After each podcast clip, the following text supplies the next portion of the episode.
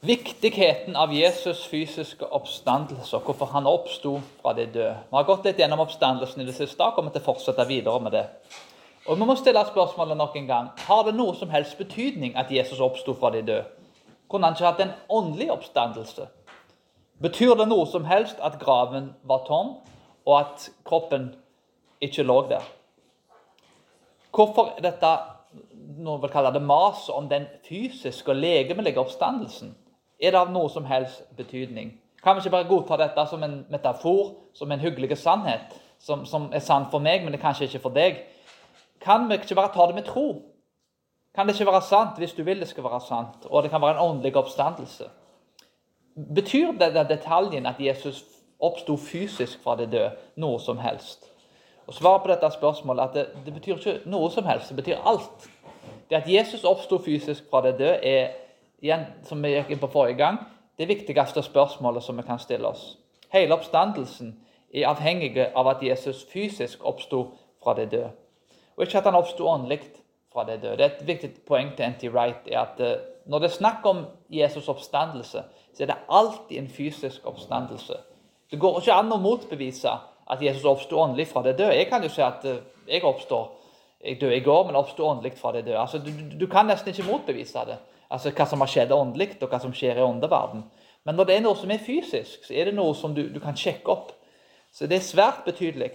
Og Paulus går så langt så sier at hvis ikke dette er sant, så er vi det ynkeligste av alle menneskene. Det er ganske sterke ord. Altså Hele troen vår er tom og bygd opp på tomhet hvis ikke dette er sant. Det er av en ytterst betydning at Jesus oppsto fra det døde fysisk. Og En av årsakene til det er at det, det åndelige og det fysiske blir knytta sammen. Og Teksten forklarer hvordan dette skjer. Det er to ting som vi skal inn på i dag. og Det er nummer én himmelsk og jordlige kropp. Det er det første himmelske jordlige kropp. Og nummer to den åndelige og den naturlige kroppen. Og Det er kanskje et poeng som, som går igjen her. Oppstandelsen er viktig. Det er én ting. Men en annen ting er rett og slett at det, vi trenger den balansen mellom det menneskelige og det guddommelige. Og at Jesus er menneske og Gud, er en svært, svært sentrale ting. Eh, sentrale ting. Vi begynner på den første tingen. Himmelsk og jordlige kropp, vers 35-37. Korint var her ser vi påvirka av en gnostiske tenkning. Og Den gnostiske tenkningen den, den er, ser vi veldig klart f.eks. i, i uh, LGBTQ og, og, og, og transgender-bevegelsen. At, det, det, at du kan definere deg sjøl, uavhengig av hva biologi du har, er veldig gnostisk. Jeg vil si Den bevegelsen kan beskrives som eh, gnostisisme med, med, moderne teknologi og medisin. Eh, men den gamle gnostiske tenkningen her, det, det, hadde ikke så mye med den tingen å gjøre. Men det er noe med dette her at det åndelige er godt, det, det kjødelige er ondt. Eh, Sokrates, når han drakk giften, så, nevnte han at han, han, ble frigjort fra dette kjødet, dette, det fengselet av en kropp. Så det er nesten som et glass med vann, som er kroppen, eh, og vannet da er ånden. Og Når du tømmer vannet ut, så endelig så blir vannet frigjort fra kroppen. Onde, det onde glasset, det fengselet som kroppen er. Så Filosofene tenkte ofte på at intellekt og sinnet var nærmere det åndelige. Så det, det var en positiv ting. Men, men, det som du gjør med kroppen, da, er uten betydning. Så med andre ord, Det er kun det åndelige som har betydning og virkning. Og Paulus motvirker disse ideene. Han prøver å sette opp en balanse her, at det er noe åndelig og det er noe fysisk. Han går så langt i 36-37, vers 36-37, sier du dåre, Det du sår, får ikke liv uten at det dør, og det du sår, er ikke det legeme som skal bli, men et nakent korn, om det nå er av hvete eller et annet slag. Hva er Dora? Altså, Ei Dora her er en person som eh, eh, altså, Det er ikke en uintelligent person. Ei Dora. Det er ikke en, en, person uten kunnskap. Det, en, eh, høyt, det kan være en ekstremt høyt utdannet person. Og det kan være kanskje den smarteste personen i rommet. Han kan allikevel være ei Dora. Dåren er den som opererer umoralsk og går i strid med Guds vilje og lov. Uh, han gjør det på en måte som, som påfører andre folk skade. De folkene som påfører folk mest skade i dag, er stort sett de mest intelligente folkene. Og Historisk god så har det vært kanskje ofte genier og veldig smarte folk som har ødelagt mest. Så, så, så det er en, ingen kobling mellom intelligens og dette å være en dåre. Og Paulus bruker disse sterke ordene for å påpeke at de har glemt ut at Gud er den som sår, og at det er Han som er ansvarlig for veksten. Det som er mulig for mennesket, er mulig for Gud. Og de må tenke større enn dette. Det er, som Paulus sier, at det er Gud som skapte plantelivet. Og er ikke Gud større enn plantene? Kom det ikke komme større frukt og større frø ut av det vi sår? Og Jeg vokste opp på en gård. Det er ganske vanskelig å tro av og til. men men uh, Jeg bor jo på en gård nå, teknisk sett, men jeg, jeg, føler ofte at jeg, jeg kan altfor lite av, av gårdsting til å kunne uh, uttale meg sånn med autoritet. Men, men, jeg vokste opp og, og tar opp høy, poteter, gulrøtter og, og, den type ting. Da. Så for de som vokste opp på landet, vet litt hvordan de tingene er. Men, men jordbruken fungerer jo sånn at du sår et frø. Og F.eks. sennepsfrø, som blir brukt i Bibelen, det er et veldig lite frø, men blir om til et veldig stort tre. Og gir du, altså sår et tre, så kan det gå 100 år, så kan det være en hel skog. Altså, et lite frø kan lede til en hel skog. Det er helt utrolige ting å tenke på. Et frø som går ned i jorda, eh, som overlever frost og nærmest som dør nede i jorda, blir om til noe utrolig stort, en hel skog. Altså For ett frø så kan du få altså, en jungel, en hel skog. Altså Bitte, bitte lite frø. Det er sennepsfrø. Det er nesten som at du ikke kan se det engang. Og så begynner det med et tre. Det et tre det reproduserer seg, og så plutselig så har du en haug med trær, en haug med frukter. Så det, er en fascinerende ting å, å, se hvordan noe som er så lite, som kan gå under jord og dø, og bli om til noe så. Og Det er dette poenget tror jeg Paulus vil prøve å få fram her. Han bruker dette, disse poengene fra jordbruken. Han, han, bruker dette poenget sånn at hedningene òg kan ta del i frelsen. Paulus bruker poenget for å, for å forsterke det her, er at han sier at det ikke alt kjøtt er av alle samme slag. Fe, mennesker, fugl og fisk er ulike. De himmelske og jordlige har ulike glans, og solen og månen og stjernen har ulike glans. Så, så Paulus bruker en, et eksempel her med det som er himmelsk, og det som er av Gud, for å, å bruke jordbruksanalogier for å få fram et veldig, veldig viktig poeng. Og Et av de poengene her er at det, det åndelige må påvirke det jordlige. Eh, en illustrasjon som kan brukes her, er at det er bare det som er rent, som kan fjerne det som er ureint. Eh, når en vasker et gulv, så må en ha en helt ren fille for å vaske gulvet. Har han en skitten fille, så blir gulvet mer skittent når du vasker. Det er kun vann som kan slukke ild. En trenger noe perfekt for å rense og frelse det som er uperfekt. En trenger noe som er himmelsk, noe som er åndelig, for å være med og komme på jorda for å rense det som er på jorda. Noe som er uperfekt, kan ikke fjerne synd fra det som er uperfekt. En må ha noe som er perfekt for å gjøre det. Og det, det, det, det, er en fascinerende ting å se i Bibelen og se i teksten.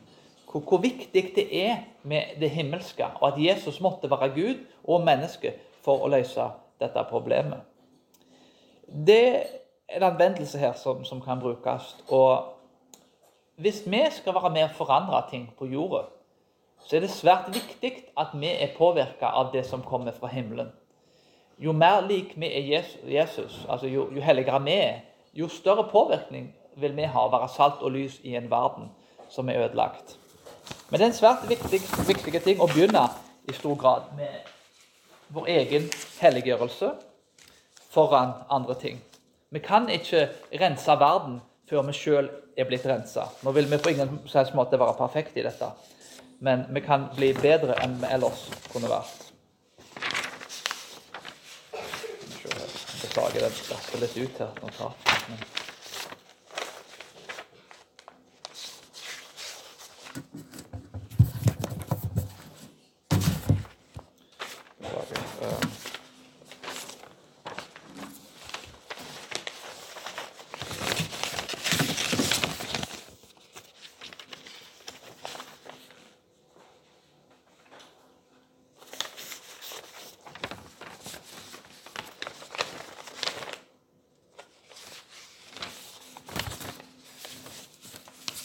Der kom han. Han datt midt oppi der.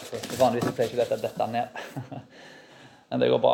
Uh, Paulus bruker et eksempel her som vi ser uh, fra jordbruken. og Han bruker det eksempelet for å vise at vi er nødt til å være påvirka av det som er himmelsk, for å, bli internt forandra til å få åndens frukter i oss sjøl. Åndens frukter det er jo, som vi ser i Galaterbrevet, uh, Love, joy, peace, kindness, goodness, forbearance, faithfulness, self-control and patience. Uh, kun memoriserte på engelsk. Altså, du har kjærlighet, glede og fred, langmodighet, tålmodighet, selvkontroll. Alt dette er en del av åndens frukter som han virker i oss. Og når vi skal ut i verden og, og forandre på ting, så, så må vi bli påvirka av det som er rent. Vi må bli påvirka av Jesus Kristus. Og for at han skal kunne påvirke oss, må han være perfekte. For han fjerner det som er uperfekt i våre hjerter. Og, og Paulus kobler disse to tingene sammen. Han, han, han påvirker at det som er himmelsk, må påvirke det som er i jorda. Og Det kommer til det andre punktet, at det er åndelige og det naturlige. Det er en åndelig og naturlig kropp, i vers 42-43. Slik er det også de dødes oppstandelse. Det blir sådd i forgjengelighet, de reises opp i uforgjengelighet.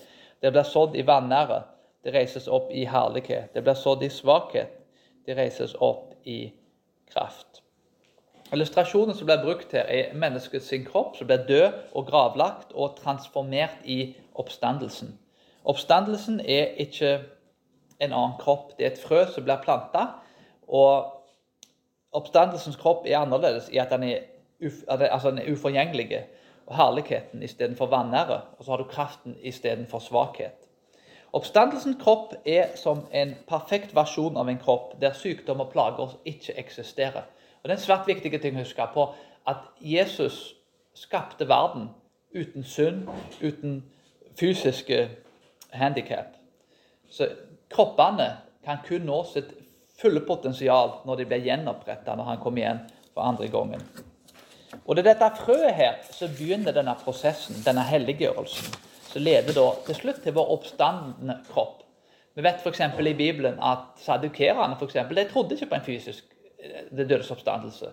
Det var kanskje mer det liberale, det som jobba med romerne i tempeltjenesten Det var litt mer som, sett på som kanskje som, eh, som landssvikere. Mens fariserene var mer de nasjonalistene da, som fulgte loven og, og, prøvde å følge det som sto i Toraen, i de fem Mosebøkene.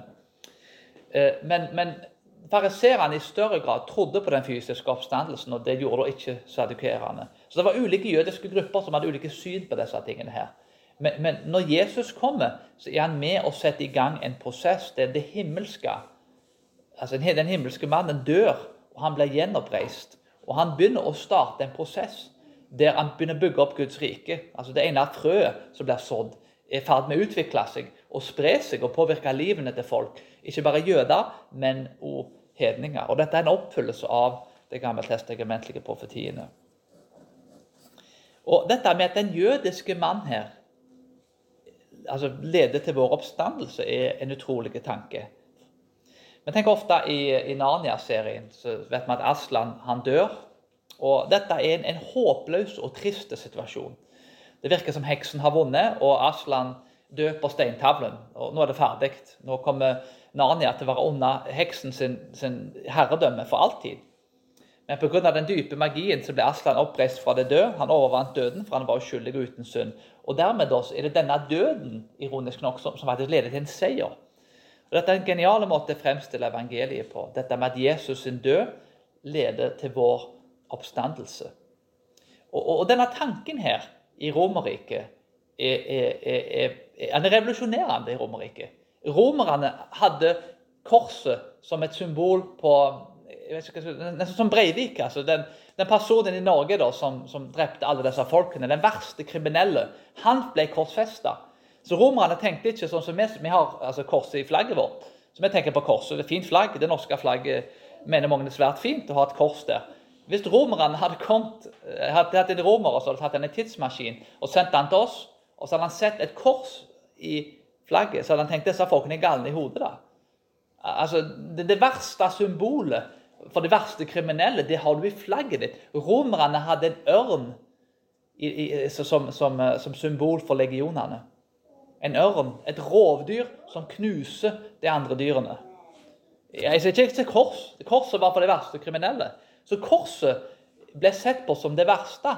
Det at en, en, en Messias, en, en, død mann på et kors, skulle lede til frelsen for menneskeheten, er rett og slett en tanke som Den er helt absurd. Altså, du, du, tar en, ting Tenk deg den mest irrasjonelle tingen i samfunnet. Den sprøeste tingen at det er den tingen som leder til menneskets frelse. Det, det, det er altså en ting som er strider helt imot den menneskelige måten å tenke på. Det er noe som blir kalt redemptive reversal, altså en, en, en frelsesreversering. Altså Der Gud gjør ting på måter som, som, er totalt i strid med måten mennesket tenker på. Det er dette som er korsets dårskap. At korset og Guds rike er ikke av denne verden. Han gjør ting på en måte som er i strid og velter måten vi tenker på. Men for at dette skal skje, så må det være en kobling at Jesus er Gud, og han kommer ned og forandrer den menneskelige verden. Men han gjør det på en måte som, som verken jødene eller romerne eller grekerne forventer. Det som er videre i vers 44-46. Det blir sådd et naturlig legeme. Det reises opp et åndelig legeme. Så sant det finnes et naturlig legeme, finnes det også et åndelig legeme. Slik står det også skrevet. Det første mennesket, Adam, ble til den levende sjel, den siste Adam til en ånd som gir liv. Men det åndelige er ikke det første, men det naturlige, og deretter det åndelige. Det åndelige legemet her er jo da kroppen vår. I Det gamle testamentet så vet vi at altså I hagen så var jo Gud nærvær direkte med folket. Tablenake ser vi, at Guds nærvær kommer ut fra senere tempelet. Og nå er det sånn at Våre kropper, om du spiser eller drikker, skal du gjøre det til Guds ære. For Den hellige ånd bor i oss. Vi er tempelet. Så Guds nærvær blir brakt til folk gjennom oss, gjennom forkynnelsen av ordet, når vi forkynner. Så Ånden bor i oss. Vi blir født på nytt. Vi har fått et nytt legeme, et, et, et hjerte av, av som er blitt forandra med åndelige frukter. Og, og, Guds ånd bor i oss. Så Det er en av de forskjellene fra Det gamle testamentet. Og Paulus viser at Adam i sin skapel ord for synden ikke hadde trengt det som skulle til for å gi åndelig liv til det som kommer. Den siste Adam derimot, ikke den første Adam, han er den som blir en livgivende ånd, som, som puster ut liv og frelse til oss. Det er svært viktig å huske på at Adam det ble liv pusta i Adam. Altså Adam ble, ble altså, He became a living soul, en levende sjel, står det faktisk. som King, King James-bibelen får får det rett. Jeg ser ikke den er rett i alle tilfeller, men, men der får han det, i hvert fall fram en god oversettelse. Altså, Gud puster liv i Adam, men til tross for at Gud pusta liv i Adam, så holdt det ikke. Adam var ikke i stand til å gjøre det for menneskeheten som Jesus gjorde. Men den ånden som Jesus puster ut, den er med og gir oss liv. Og når han går til himmelen, så gir han oss talsmannen, som gjør at vi får ta del i det himmelske. Og det er en ting å tenke på at Hvis Jesus ikke hadde gått opp til himmelen, så hadde ikke alle fått Den hellige ånd. For Jesus var jo ikke overalt på likt. Så det er faktisk en veldig god ting at Jesus ble oppreist, men også at han gikk til himmelen. Det var da Den hellige ånd ble forløst til oss. Den første pusten Adam fikk fra Gud når han ble skapt, er et bilde på den ånden Kristus gir til folket som den siste Adam.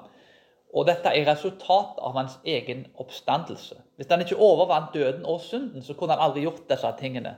Og hvis han ikke vært hellige, ikke hadde vært himmelske, ikke hadde himmelske kropp, så kunne han heller ikke gjort disse tingene.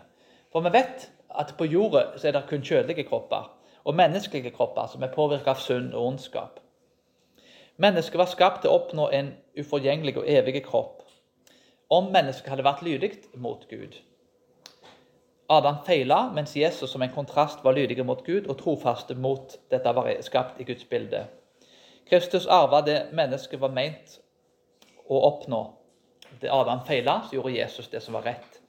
Jesus' sin kropp er ikke bare en fornya fysiske kropp, men en himmelske, uforgjengelige og en åndelig kropp. Og Det er denne kraften som ligger bak oppstandelsen. Jeg vil bare lese fra et sånt sitat her fra, fra Narnia. Dette eksempelet med Aslan som dør på steintavle illustrerer dette veldig godt. Her står det Selv om heksen kjente til den dype magien, er det en magi dypere som hun ikke visste.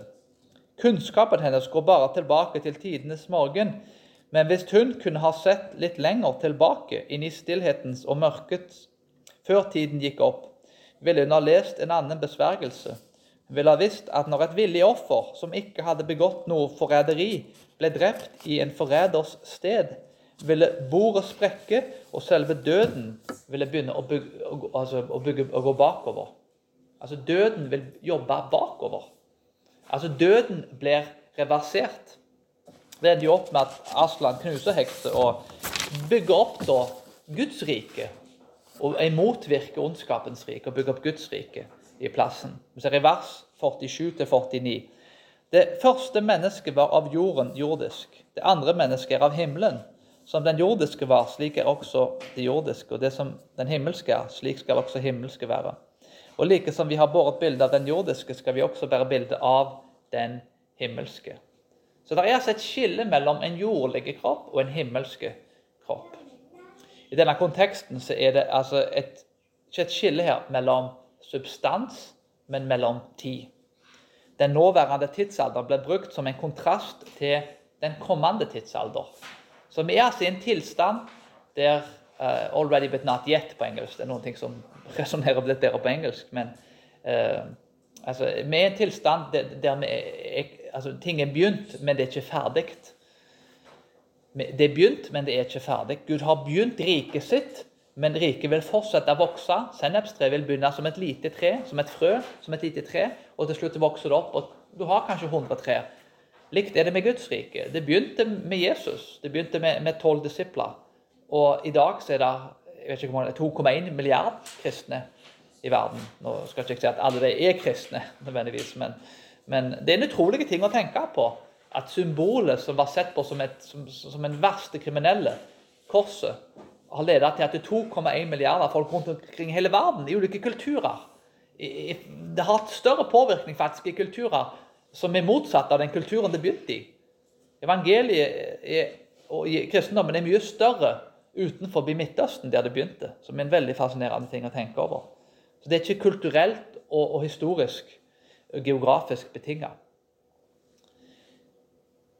Vi har Adams kropp og bilde, men vi tilhører Kristus. Med et løfte med at vi vil tilhøre den siste Adam, Jesus Kristus, for alltid. Disse to naturene vil jo alltid kjempe mot hverandre men det er den himmelske naturen som vil vinne. Det er en illustrasjon her som, som kan fungere noenlunde greit. Uh, Kalsedernrådet, når dette er litt ut som jeg er farten, er det 451 eller 481? Erik, du, du, det datt litt ut som jeg tror det var. Men, men altså, det, det, er jo et råd da, som, som, som, går inn på dette med Jesus er Gud og menneske. Så du leser det, og Det er veldig presise formuleringer. Hvert ord er av betydning. Men, det er dette her at det, hvis Jesus er himmelske, og han er jordlig, han er guddommelig natur og en menneskelig natur. Den foreningen og den balansen mellom de to er, er veldig hårfine. Men hvis Jesus skal påvirke det som er på jorda, og rense det som er på jorda, så må han være perfekt, og han kan ikke være av jorda. Han er nødt til å være himmelsk. Det er det rådet i veldig stor grad tar opp. Og Jeg skal ikke gå inn på alt det Kalsedeon sier, for det ville tatt sikkert et par timer. Men en ting vi kan lære av dette, her, er at det åndelige og det fysiske, det himmelske og det jordlige, må stå i balanse til hverandre. Det er kanskje et av de poengene som jeg vil få fram. Det er en tendens av og til, til og med i kristne sammenhenger, til å tenke det at eh, kroppen min, den er ond. Og Det er ikke noe plass i Bibelen så, så, så, så det lar seg oversette rett. Altså Paulus går inn på dette romerbrevet, og det kan virke som han argumenterer sånn. Men det er altså synden i kroppen som er ond. Det, det, det, er, ikke, det er, ikke, kroppen vår. Kroppen vår er skapt av Gud. Det er synden som, påvirker kroppen vår, sånn at vi utfører onde handlinger med kroppen. Og det blir onde handlinger. Men kroppen i seg selv er ikke ond. Vi er altså i verden, men ikke av verden. Vi kan bekrefte det som er godt i verden, det, det, det jordlige. Men ikke synden i verden og synden i oss sjøl. Det er synd i kroppen vår, men det er ikke kroppen vår i seg sjøl som er ond. Det er en svært viktig ting å huske på de skillene her. At vi kan feire og være begeistra for det fysiske og det jordlige. Så lenge det ikke er påvirka av synd. Og det er det Jesus gjør når han kommer igjen. Oppretter ny himmel og ny jord. Altså, det er opp, gjenoppretta. Tenk om du kunne fjerne all ondskap, all synd i kroppen og, og, og, og i verden. Da hadde de fysiske tingene som hadde vært igjen. Alt hadde blitt brukt til å ære Gud, til å prise Gud, og det hadde vært brukt til å føre fram nestkjærlighet. Og Dermed så hadde det vært gode ting. Så det er altså synden og ondskapen som er det som er negativt. Og igjen, vi skal ikke være sånn som Sokrates som vi snakket om i begynnelsen, at vi skal se på kroppen som et fengsel. så vi endelig så går jeg til himmelen, og blir frigjort ifra dette. Nei, vi bekrefter det som er godt, og vi avviser det som er syndig. og det som er dårlig. Og Vi gjør ikke dette med at vi skal bli kjødelige. Det, er ikke det som er poenget her. Men, men, det er bare at disse tingene må stå i balanse til hverandre. Og Vi må huske på at det er kun det som er rent, som kan vaske vekk det som er ureint. Og Det gjør at vi må sette vår lit til Jesus Kristus. Det er noen korte oppsummeringer Jeg vil oppsummere bare veldig kort det jeg har sagt. Jesus er av himmelen og jorden. Jesus er åndelig og har en naturlig kropp. Det er dette som gjør at himmelen kan påvirke gjenoppretta jord. Og begge deler er nødvendige. De må være balanserte. Og oppstandelsen er totalt avhengig av ja, at han har en guddommelig natur, åpenbart. Han kunne ikke fjerne synden ellers. Men at det er en fysisk kropp. At kroppen er fysisk, er faktisk noe som oppstandelsen er totalt avhengig For på korset så skjer det et byttehandel. Vi gir eller korsfester vår syndige natur og gir den til Jesus på korset, mens vi får hans perfekte natur, som han gir til oss. Det er et veldig urettferdig byttehandel. Vi får det beste, og han får det verste. Så det, Vi får alle de gode tingene, men han får alle de verste tingene. Men det er det nåden på korset handler om. For i begynnelsen var ordet, ordet var hos Gud, ordet var Gud. Vi ser i Johannes 1, 14, Og ordet kom ned og tok bolig blant oss. Eller på noen oversettelser. Du kan bare si at det er 'tabernacled among us'. Altså, vet ikke om det er godt noe god norsk måte å si det på. Men altså, igjen, tabernakel i Det gamle testamentet. Det er den samme guden som hadde bolig blant israelsfolket i leiren, som kom ned og tok bolig blant oss. Den himmelske sønnen ble jordens sønn for vår skyld. Han var både Gud og mennesket fordi bare Gud kan tilgi synd. Men han var menneske fordi syndene må fjernes i en menneskelig kropp. Han må være i en menneskelig kropp for at syndene kan bli fjernet, og sånn at vi kan ta del i frelsen. I likhet med Aslan så var Jesus uten synd, og derfor kunne ikke synden og døden holde han. Han oppsto fra de døde, sånn at vi kunne bli gjenoppreist i et nytt legeme da, i framtida. Å være med i en ny himmel og en ny jord som da kommer i framtida. Og Det er derfor evangeliet ofte blir kalt gode nyheter. Vi er syndere, Gud har frelst oss. Og dette er virkelig gode nyheter. Om det er en anvendelse her som vi kan bruke, så er det og slett å holde disse tingene i balanse til hverandre. At vi ikke tar den ene tingen i bekostning på den andre. La oss be.